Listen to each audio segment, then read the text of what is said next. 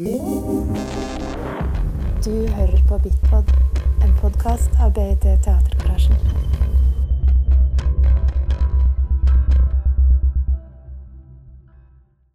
The, this performance uh, essentially talks about the war. And I'm curious, like for, for a Norwegian society that in for for generations has no experience of what it is. What can people? How can people relate to that? And um, like is it something because we all uh, in, in order to understand art you have to in a way be able to relate to it. And if that experience is so far away from yours or if you perceive it through the others it's not about you know this performance is not about bosnia. It's about i, I don't believe that art is uh, scientific and factual about a certain problem but um, it, it, it, speaks about a certain experience that maybe the audience here doesn't have and, and i think it's definitely then worthwhile to exploring uh, to explore what it is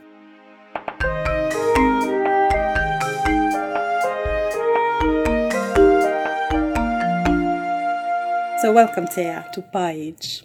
You are born in Sarajevo. Yes, yes. 1984 you're a theater director. You've had projects like The Cur Curator's Piece, La Maladie de la Mort, Varieté Europe, and The Disco. And you've been presented internationally in performing in visual arts contexts. And uh, your projects are oftentimes long lasting projects that research how art intervenes in complex controversial political issues.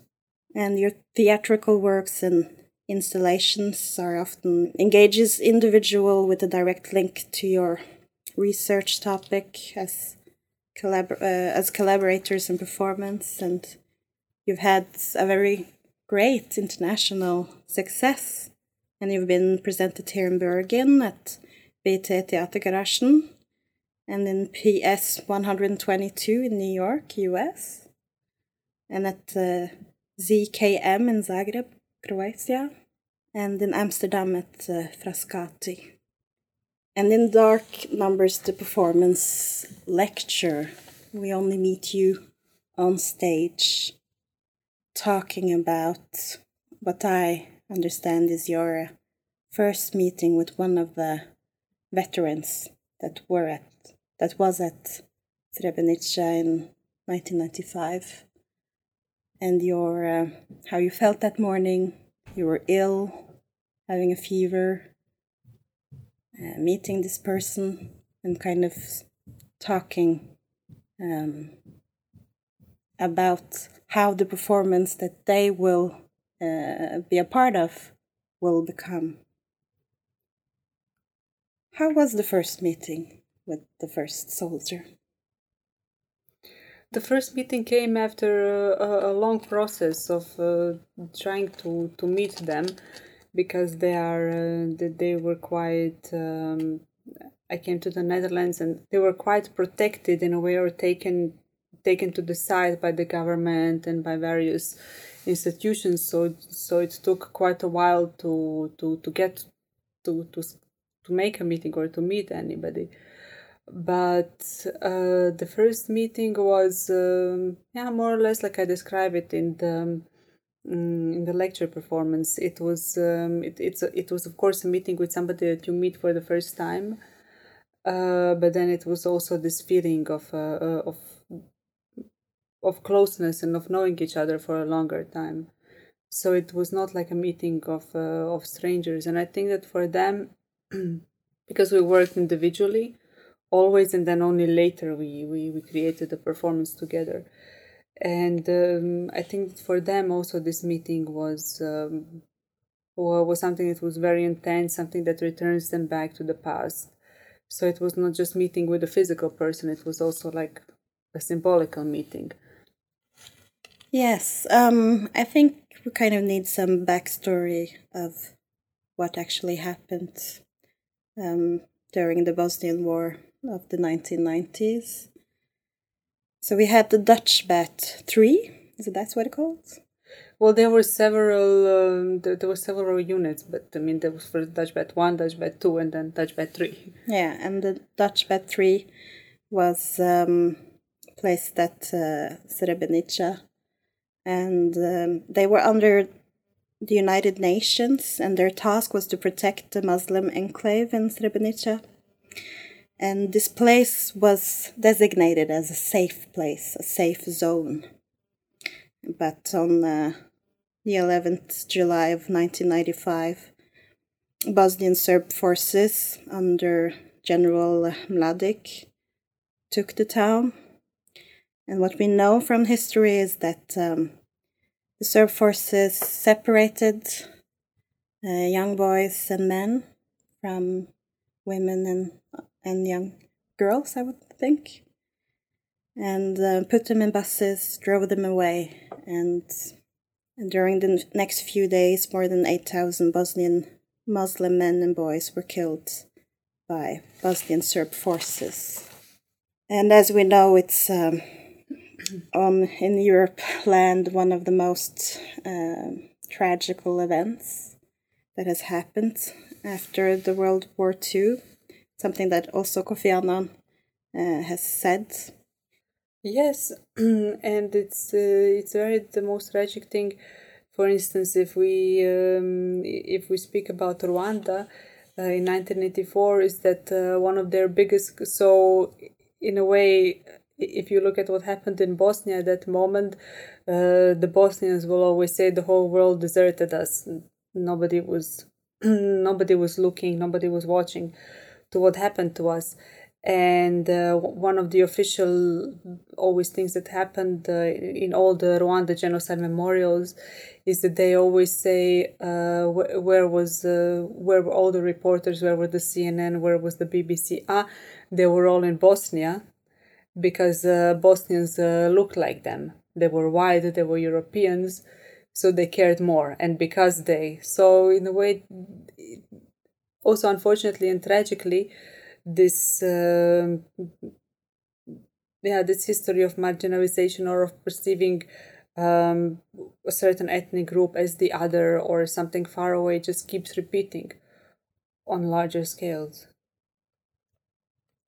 Yes and it's also something that you say during your uh, performance lecture. You reference to your, um, one of your earlier pieces the curator's piece? Yes, well, the the curator's piece is a is a project that was also presented uh, here in Bergen, and it actually had a had a world premiere here, and it featured uh, Sven Birkeland, uh, the artistic director, as one of uh, performing curators. And uh, yes, the curator's piece um, I did together with a with a friend of mine, uh, Petra Zanki, and um, so the the idea of this project we did in 2010 it premiered in 2011 and it came very much from uh, from our observation of of western contemporary performing arts in which uh, we felt that um, that the topics that are uh, related to us or the topics that, that express what is going on in our society or in our politics but not just ours but actually the most of the world are uh, are not represented. And that what the, the topics that west is dealing in europe are just uh, topics of um, of their particular interest and that they express a certain worldview which is the world of uh, basically welfare states of of a long time peace uh, and that uh, that experience that creates certain subjects that are the actors and that, that are artists, that are curators, cannot be something that is relevant for, for the rest of the world. So we back, basically uh, mm, invited um, curators of international performing arts to a trial in which we accuse art because it didn't save the world. Basically, this means that it was completely um, inadequate and uh, inefficient in uh, talking or participating in problems of the society and they were um, many things happen of course it's a performance but they were they were invited there to prove their role of it and uh, what are they doing in that regard but then also it was about their concrete festival making, their concrete decisions. How how do you implement this in um, in, in everyday life? So um, yeah, one can say that this performance is also about what does the West do uh, in the uh, in art and who are the artists and what what what do they talk about or what can they talk about because to put banally we were um, i started working a lot internationally like then 2009 2010 and well actually the places where contemporary contemporary performing arts is produced and is financed today are uh, belgium germany so western europe and the us but the problem was when i came to performances there and when i spoke to to artists i could not relate to any single thing that they were talking about. For them the idea of political it was also very much the, the times of uh, of uh, of uh, of Rancière of this that the emancipated spectator that how we organize ourselves in space that that is political so do we work um, in a hierarchy? Do we have a director and then somebody above or do we work all as a team? A big topic was uh, climate change and for me and i think that for everybody who comes from any other part of the world these topics are absolute science fiction. And this is what the curator's piece wanted to say. Do you still have that uh, view of Western art? Yes, yeah, very much so. I mean, it's it's not that I, I, I of course I work uh, a lot in Europe and I have um, a lot of colleagues, but it's it's just something that um, that the topics and um, it, it just the experience that an average European artist has as, as a human being is so different than, than the rest of the world.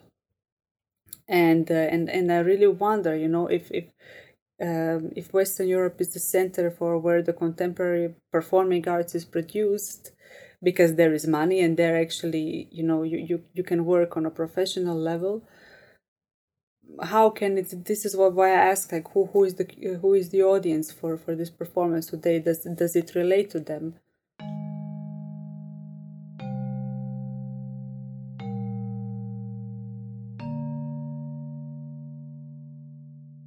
Could you tell the joke that you tell in uh, the performance?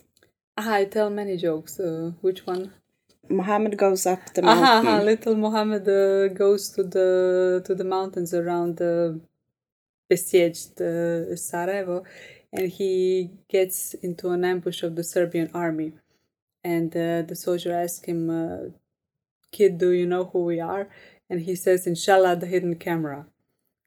So it's uh, I mean, it's not at all funny, but and and so you in your performance lecture you talk about telling this joke with uh, to other Europeans, mm-hmm. and this is a joke that you know from back home. Yeah, yeah, yeah. And they don't laugh.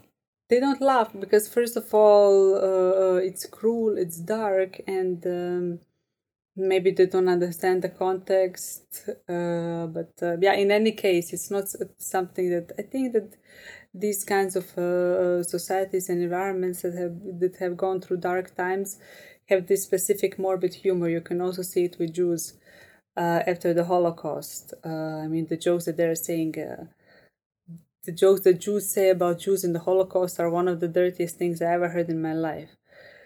Uh, but um, yeah, it's it's it's a question of I think in order to, to laugh, you also have to more or less relate to something. So does the audience relate? I don't know. We will see tonight. Maybe that's where the um, uh, the saying of uh, "it's funny because it's true" mm. comes from. Um, and it also, to me, it seems like when you have the performance with the veterans, they also experienced the same thing, telling a joke that was normal to to to say when they were in Bosnia, mm. and that uh, when they tell the same joke back home in in the Netherlands, they get asked or they get told that they should go and seek therapy Mm. because the humor is uh, in some way not politically correct to, Yeah. to tell. I remember you told me the first uh, night when we met that it's um, for you as a woman, it's very important that you do something else than children's theater. Could you explain more um, your thoughts about that?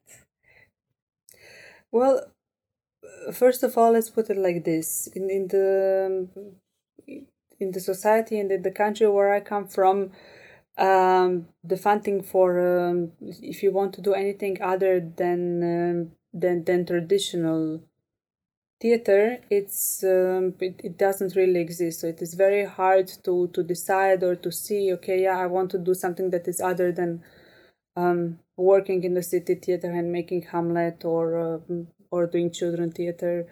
So um, to to be perceived seriously, unfortunately, to be perceived seriously as a female director, you as and also the the one that uh, that works internationally, it's a very discouraging environment because almost everybody and everything around you says to you you will not make it nobody will be interested in what you have to say uh, and there is always this idea or stereotype of a director as being um, a male figure in his 40s so um, so so so as i really cared for um, for equal opportunity and equal voice for of, of men and women it is always important for me to to be um, encouraging and to be to, also to towards other um, possible female uh, really directors. So women that are i mean although i don't really work in these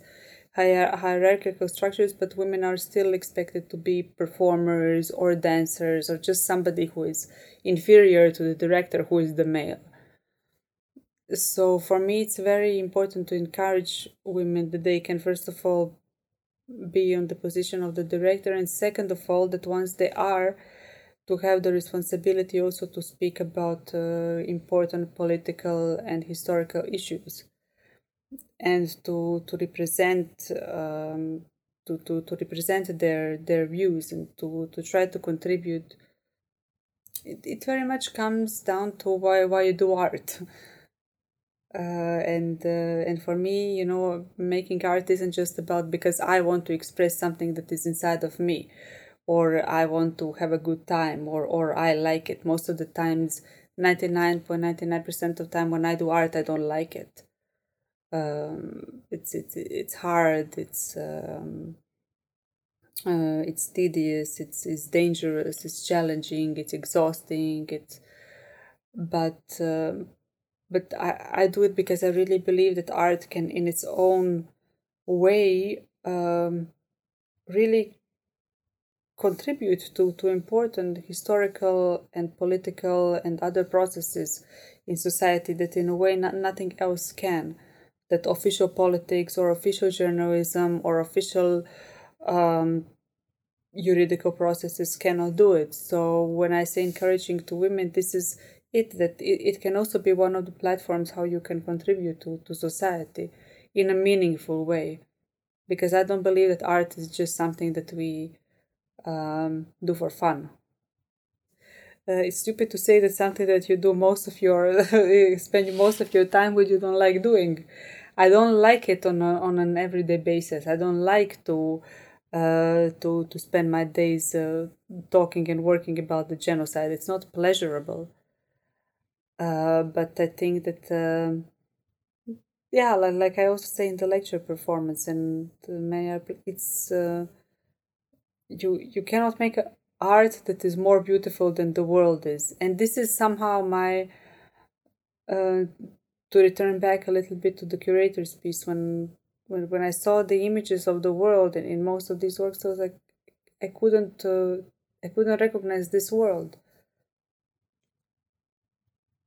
There's also uh, a moment during the performance lecture where um, you're talking to somebody and asking them what they think, what they think, um, kind of goes on in one's head or how the experience of a war is. Mm-hmm. And the response is horrible and horrific and all of these like negative words. But your take on it is that it is the complete opposite. You get stronger. Yeah, it's um, it's it's it's from a conversation that I with that I had with the preceding judge, uh, Ms. Gepke Dulix Hermers, in The Hague uh, a year ago, where um, yeah the the idea of of quoting this conversation, the performance, is to talk about the relationship between art and law where in, in law also she as a judge has to speak about or has to make a decision on something that, that is so far away from her experience so, so, such as war and she is from the netherlands.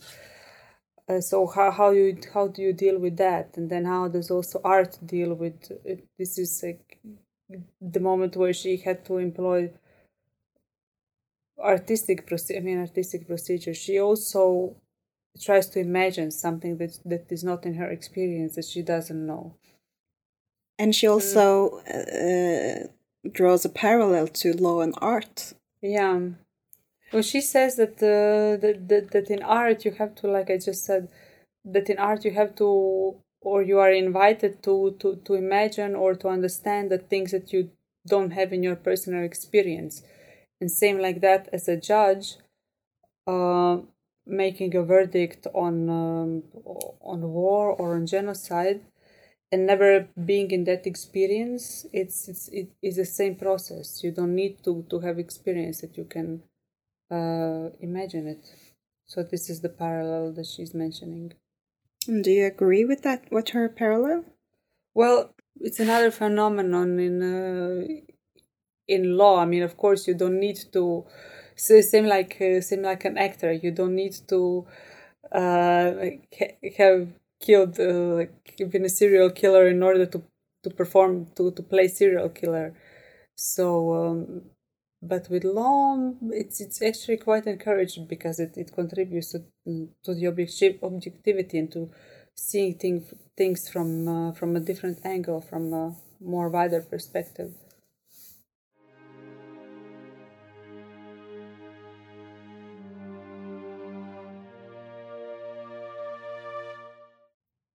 So when when you wanted to do this performance lecture, was it kind of did you make some rules for yourself how to present this? I I guess that I had like two ideas. One was to because quite often as as um, as a director it's, it's very hard to, to explain the process of what, what does the creation of the performance means or how do you um, imagine certain things or what is your relationship to, to the topic or to the performers. So this was um, yeah this was an attempt on that to give to the audience uh, an insight into into the other perspective and really into the mind of a, of a director. And also you know in, in relationship between me and the dutch batters. So what is uh, how, how does it look from my side? And uh, what are the things that i that are in my head that i because as a director you always have a lot of more thoughts than you at the end put in the performance.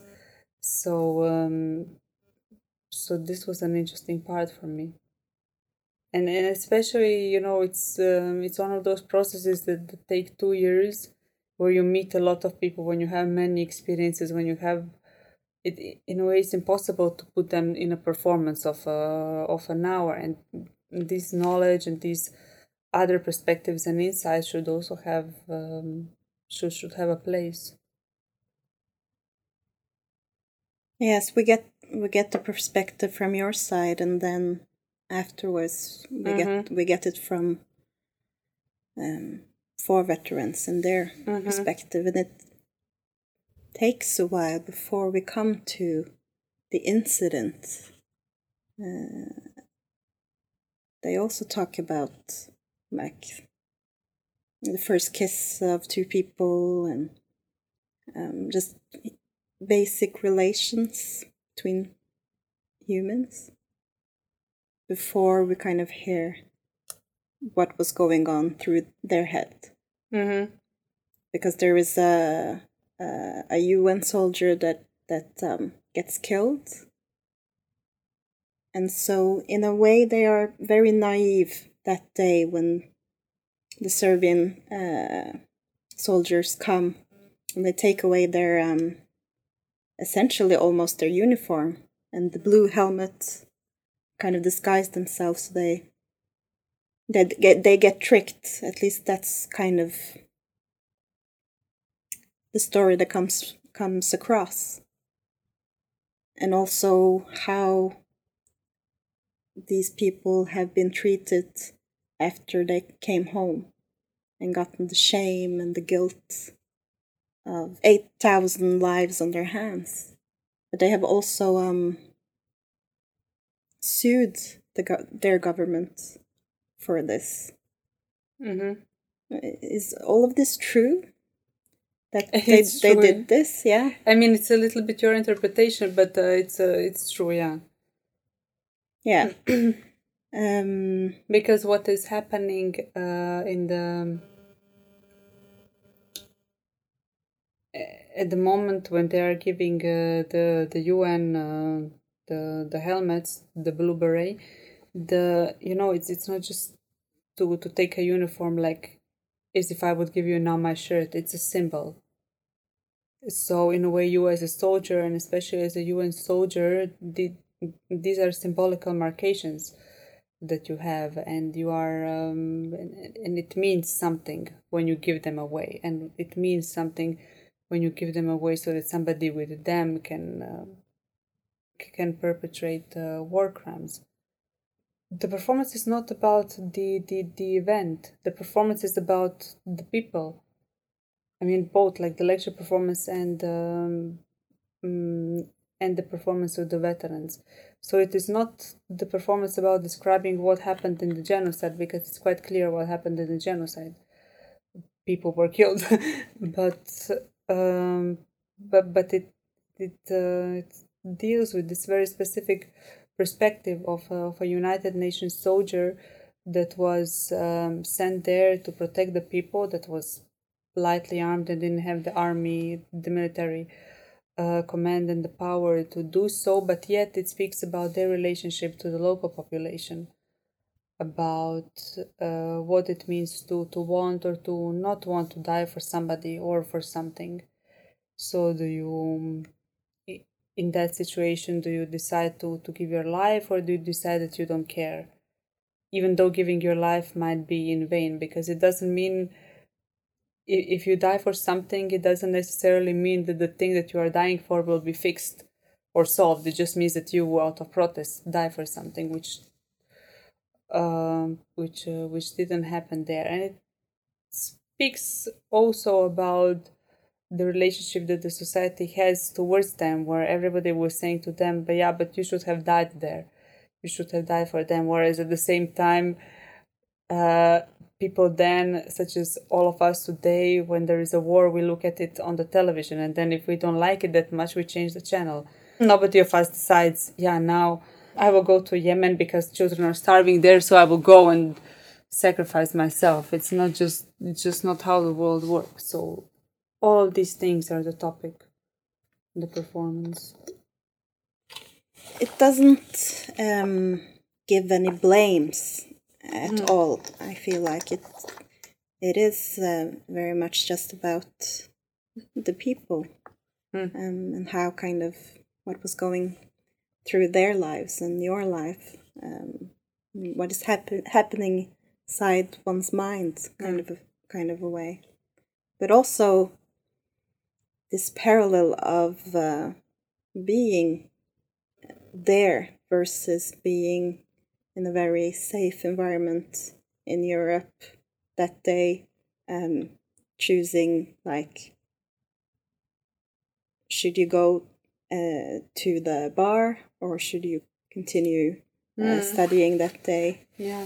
um, making a parallel to how easy it is to give blame when you're in this safe environment. You can actually choose to um, change the channel on Mm. on the TV if you want to avoid this uh, this situation, a very dangerous situation as well. Mm. Versus where they where they were, it it wasn't the world. The world wasn't as simple or black and white.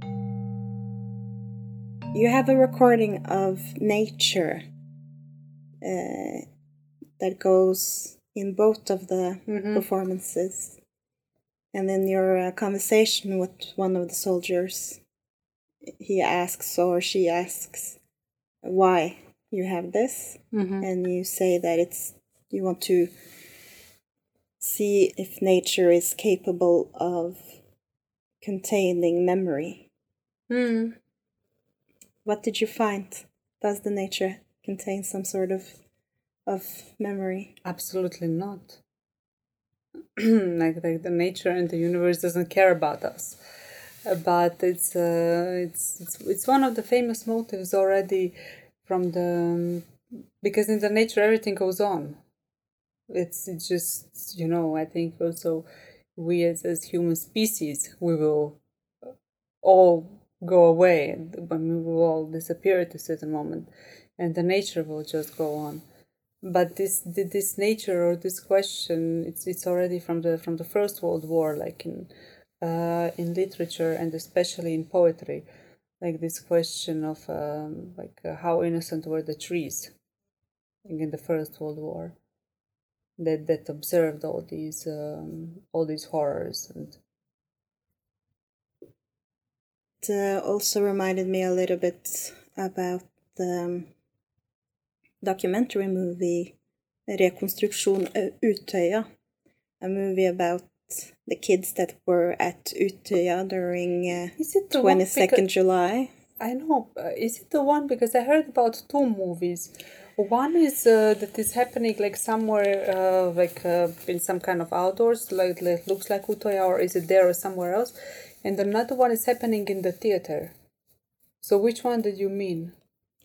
Uh, the documentary movie that I saw is called Rekon- Rekonstruksjon Utøya, Rec- reconstruction, reconstructing uh, uh, where they have invited uh, several uh, survivors that were there that day, and giving them actors, young teenage uh, actors, to tell them where to, to go, what to do, and each person instructs this group of actors uh, and tell them what happened that day from their perspective.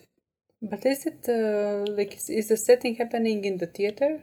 Yeah, it's it's in a big um, st- studio somewhere in, the, in a big um, black box Yeah. type of space. Is it a new film or? Uh... Yeah, it just came out this year.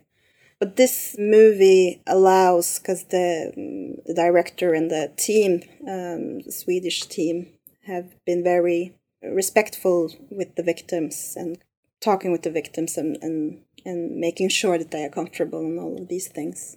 But, anyways, one of the girls, um, when she tells where she was, what happened, and with what route she took to survive, she's all of a sudden in in a hiding in the woods and sitting completely still and terrified of the terrorist. And she remembers a little snail passing by. Mm-hmm. and and where she also says in the in the documentary it made her kind of think that even though this horrible thing is happening right now nature is just moving on Mm. this little snail is going I think over her foot or something while she's experiencing this traumatic thing Mm. and so for her, it was a reminder of nature doesn't care, Yeah. but what's going on is so intense. But you use this nature in both uh, both Mhm. the um, performances and also uh, a specific um, uh, song. Mm-hmm. What's the song called again? Uh, which one? Maybe Brothers in Arms. Brothers in Arms. Yeah, there there's more music in the uh, performance with the Dutch vet uh, Yeah. veterans than in yours, but you also use um, video clips, documentary video clips. Mm-hmm. Um, that at first doesn't, for me at least, I didn't really understand the clips. Uh, there's this uh, one sequence where we see a lot of people plucking or gathering something. There's so many people there.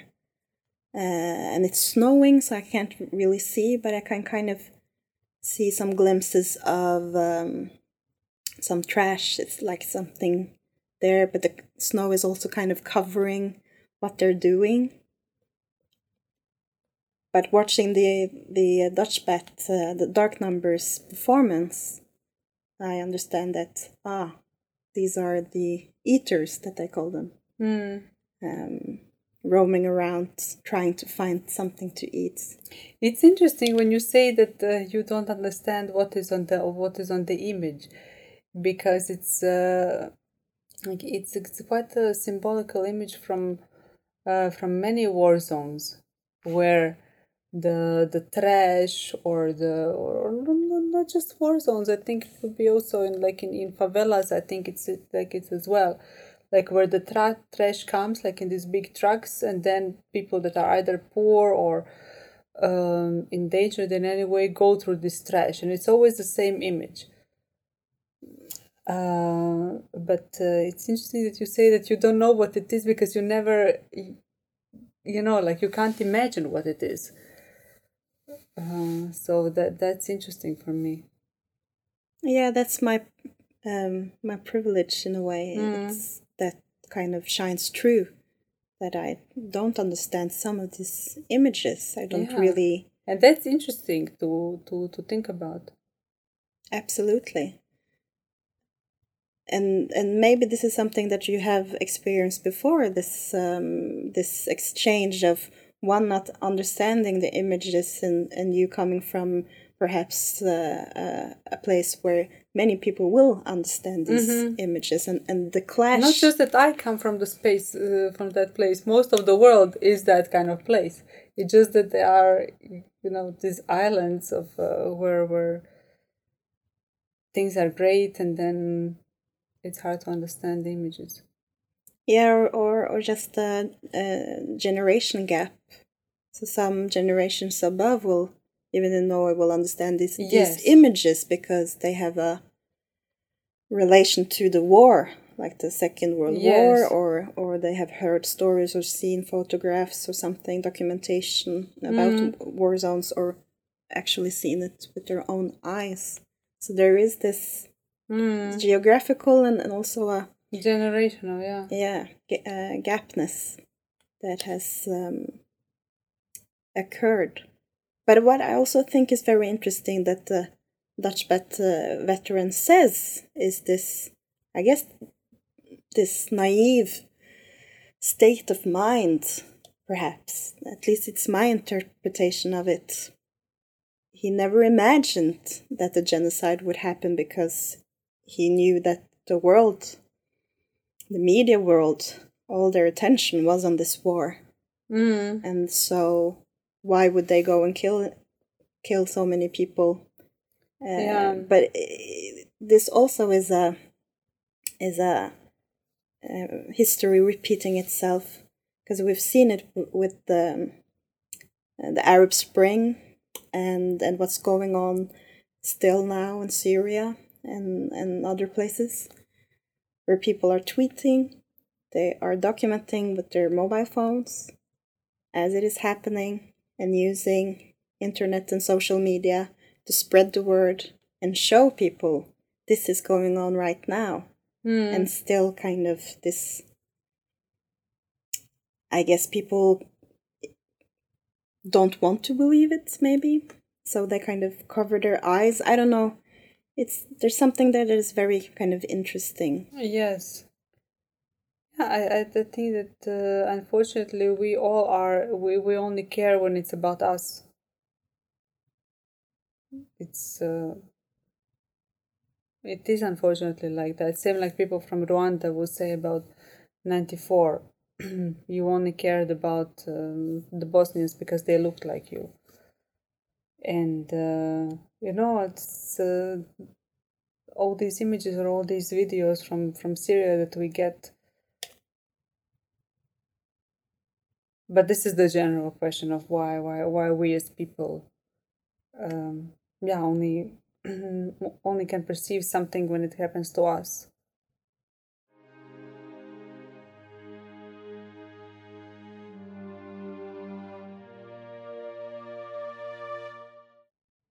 How was the war talked about where you come from? Well, war is uh, it's um, for us. It's a part of everyday life. It's something that is uh, we, we we still talk about. All the things and i mean unfortunately in our countries we are still divided by uh, by religions and by who did what to to whom in the war. So we, we're still like um, it, it's so much part of, of of your everyday life people that are i mean not not just people that are um, like um, wounded or something that that you see, but it's, uh, it's the whole society is uh, is divided and is by these political opinions. so so we still return not just to this war, but we still return to the to the Second World War. And um, but in a way, like talking about war and writing history is complicated because it's always it's in a way it's not important what happened but what you teach your children and how do you interpret what happened. And of course in all the countries the interpretation of history is different. One will say everybody said they were the absolute victims and that the other ones were the perpetrators. So it's uh, in a way this type of writing history just makes it possible for the same thing to happen again And if you um, would to have any children, what, what's the story that you mm. would would prefer to tell? Well, I would prefer to tell them. Um, I would prefer to tell them the um, the historical and, and the political story that you really need to understand from from all perspectives, because quite a lot of uh, people are stuck in this belief that we were all good people, but the politics turned us against each other. But this cannot be because we, we were killing each other. Neighbors killed the neighbors. So it's not that, in, in a way, if we keep perpetrating uh, this uh, this opinion, we were all good, but the politicians made us, it will never happen. So, so I think that it's uh, for my children that it's important to understand really that they were why why things happened in a certain way that it happened. And it's also very important to understand that out of all the nations there are not there is no nation that is uh, inherently evil. It's not that, that the serbian nation is that they are evil people. There are there are very concrete political and uh, historical reasons why they um, reacted with an army occupation at the independence of Croatia that come from the Second World War, uh, from the things that were done to them, and um, and so on and so forth. So I think that really, in order to understand it, it has to be only about the facts. Maybe also just how human psychology kind of works. Yes, but it's uh, it's it's not just about the human psychology. It's um, th- there are factors of the human psychology that that make you that make you perpetrate war crimes or that make you do it. But um, but but the, the, there is a problem if, for instance, like like in like in Croatian history books, when it is taught that Serbs because they are evil and because they are bloodthirsty. When the Croatia declared independence, they attacked Croatia, and they wanted to to to, to take the parts that were that were um, that they thought that belonged to them. It is something that is impossible to understand or to justify in other any other way than that, unless you understand like like the history of the Second World War, what how um, how Croatia or the independent state of Croatia was like Hitler's annexed state that had mass of concentration camps in which Serbs died. So it's, mm, yeah, I think that the facts are here very important.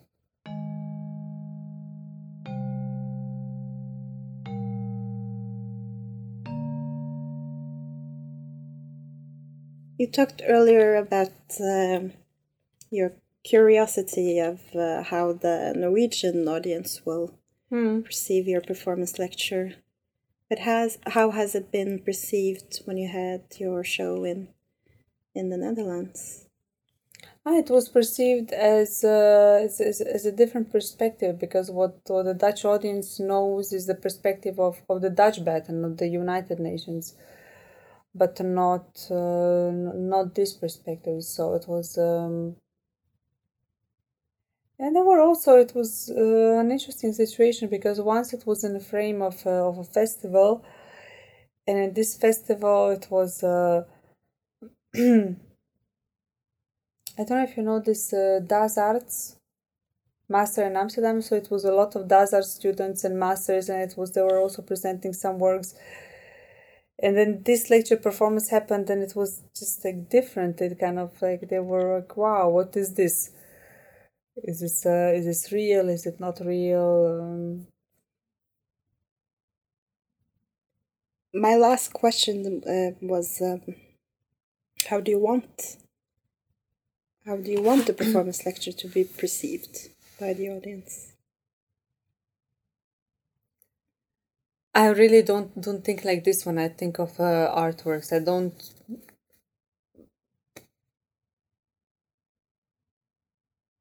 Yeah, I don't have a specific way how I want the audience to react or what I want to.